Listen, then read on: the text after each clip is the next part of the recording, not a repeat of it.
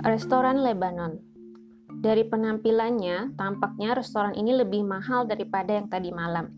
Dan bukan masakan Cina pula, sehingga rasanya kurang sah. Tapi karena aku belum pernah ke Lebanon dan cuma pernah makan masakan Lebanon sekali di restoran Lebanon di Jalan Sabang, tak mengapalah. Alhamdulillah, kokinya yang orang Lebanon dan tampaknya pemilik restoran ini sangat mahir berbahasa Inggris Meskipun sinar wajahnya ramah dan menyejukkan, awalnya aku sempat kecewa karena yang aku cari adalah orang Cina. Karena tulisan petunjuk Masjid Agung yang aku punya ditulis dalam huruf Hamzi. Tapi, alhamdulillah, kasir dan pelayannya yang berjilbab rapi adalah orang Cina asli.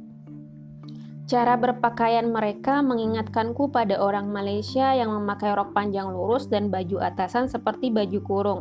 Saat aku menunjukkan tulisan huruf kanji di buku catatanku, dia langsung berseru, "Masjid." Betul, bagaimana caranya aku ke sana? Bus? Pelayan itu menyebutkan angka dalam bahasa Arab beraksen Cina. Hah? Susah payah dia mengeja. One, lalu sesuatu, lalu khamsah, campuran antara bahasa Inggris, Cina, dan Arab. Waduh, Aku berikan pulpenku di buku catatanku. Dia menuliskan 105. Bagus. Dengan bahasa isyarat aku bertanya, perhentian yang keberapa dari sini? Dia mengangkat dua jarinya. Tapi kurang yakin sendiri sehingga bertanya ke kasir yang kemudian menjawab dengan sangat pasti dalam bahasa Inggris, three, sambil mengangkat tiga jari dan menunjuk ke arah yang makin mendekati hotelku. Tapi selesai makan, aku cuma punya waktu satu setengah jam sebelum harus kembali ke hotel. Dan sebagai orang Jakarta yang terbiasa menelan kemacetan, aku jadi parno sendiri.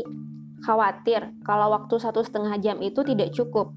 Akhirnya aku memutuskan untuk langsung kembali ke hotel saja agar lebih aman.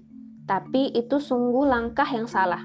Karena rupanya jarak dari restoran itu dan berarti juga jarak dari Masjid Agung ke hotel cuma 15 menit. Tapi sudahlah, apa pun yang terjadi selalu baik kan? Mungkin di lain waktu aku akan kembali lagi ke Guangzhou dan mungkin nanti akan sangat sempat mengunjungi Masjid Agung.